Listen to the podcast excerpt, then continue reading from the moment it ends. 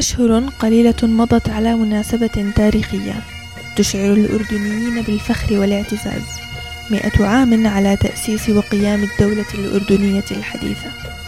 مع أن أسباب الفخر كثيرة إلا أن أهمها النظام الهاشمي الذي أرسى وأعلى مداميك هذه الدولة بناء ونجاحا أسطوريا في إقامة مؤسساتها وبخاصة جيشها العربي وأجهزتها الأمنية.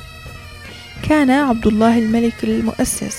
قد جاء إلى الأردن على رأس جيش من جيوش الثورة العربية الكبرى التي بعثت في عروق أبناء شعوب هذه الأمة مشاعر القومية العربية وأعادت لهم انتمائهم الحضاري العربي.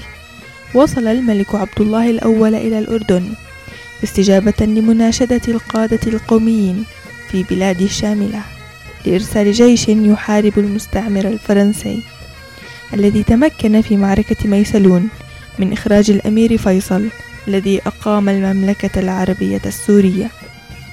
لكن كان للأقدار دورها غير المحسوب فحين وصل شهيد الأقصى إلى عمان اجتمع شيوخ العشائر وأعيان الأردن في المدرج الروماني وبايعوه أميرا على شرق الأردن. وهي الإمارة التي بنى الملك المؤسس هيكلها لتصبح لاحقا المملكة الأردنية الهاشمية.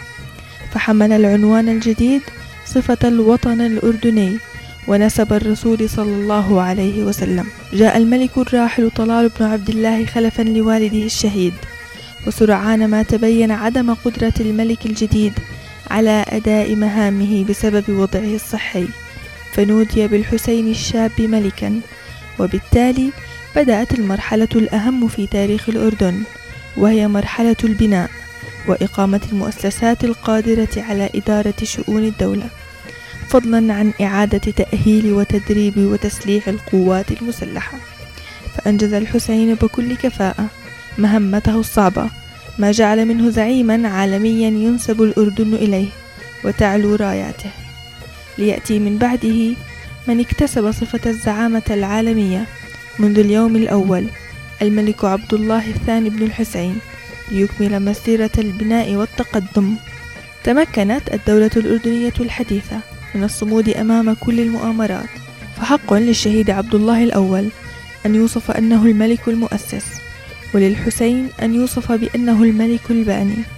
كما تدعو قلوب الأردنيين لعبد الله الثاني بن الحسين بالصحة لتحقيق المزيد من الإنجازات.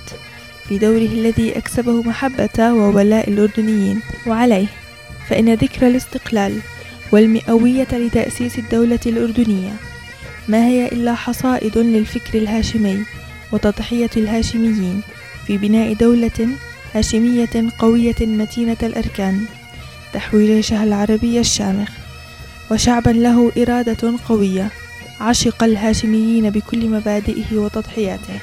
حمى الله الأردن ملكا وشعبا ووطنا في ظل القيادة الهاشمية وعلى رأسها الملك عبد الله الثاني بن الحسين حفظه الله.